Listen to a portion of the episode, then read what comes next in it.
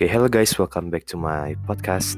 I'm your host Xavier, and in this episode, I'm going to make a movie review about the film Aquaman. Okay, let's start. The story begins with Tom Curry, Aquaman's father who met his love of his life, Atlanna, the queen of Atlantis. They first met when Atlanna is stranded into the seashore, and Tom brings her to his house. After having a happy life, they manage to have a kid, that is Aquaman. Aquaman's real name is Arthur Curry. Even though they are having a happy life, things don't get well anymore. Atlanna is ordered to come back to Atlantis by the soldiers of Atlantis because it is forbidden for Atlanteans to make a deep contact with humans in the surface. After that, Atlanna decided to follow the orders from the soldiers of Atlantis.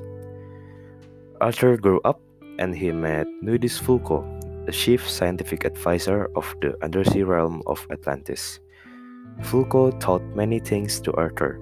One of the examples is he taught how to control and master the trident to Arthur. Since little, Arthur already has the potential to be the ocean master. Ocean Master is the person who has total control of the oceans.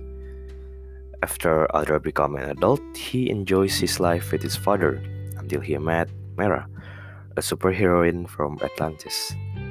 Mera asked Arthur to go to Atlantis so he could save Atlantis from King Orm, the king of Orphax Kingdom, and also Arthur's little brother, who wanted to declare war against other kingdoms. By that time, Arthur and Mera were facing lots of enemies from Atlantis, and they are looking for a clue about where the last Ocean Master hid his legendary trident. The legend said that only the chosen king could take and control the legendary trident and become the next Ocean Master. Long story short, Arthur finally rules the whole ocean by becoming the next Ocean Master. He also finally met his mother, and their family rejoiced. They lived a happy life. What I like about this movie is the storyline is very good. I like the concept of action because they mostly fought underwater, and I also like the CGI effects from this film. I think that's it for my podcast. I hope you enjoy it.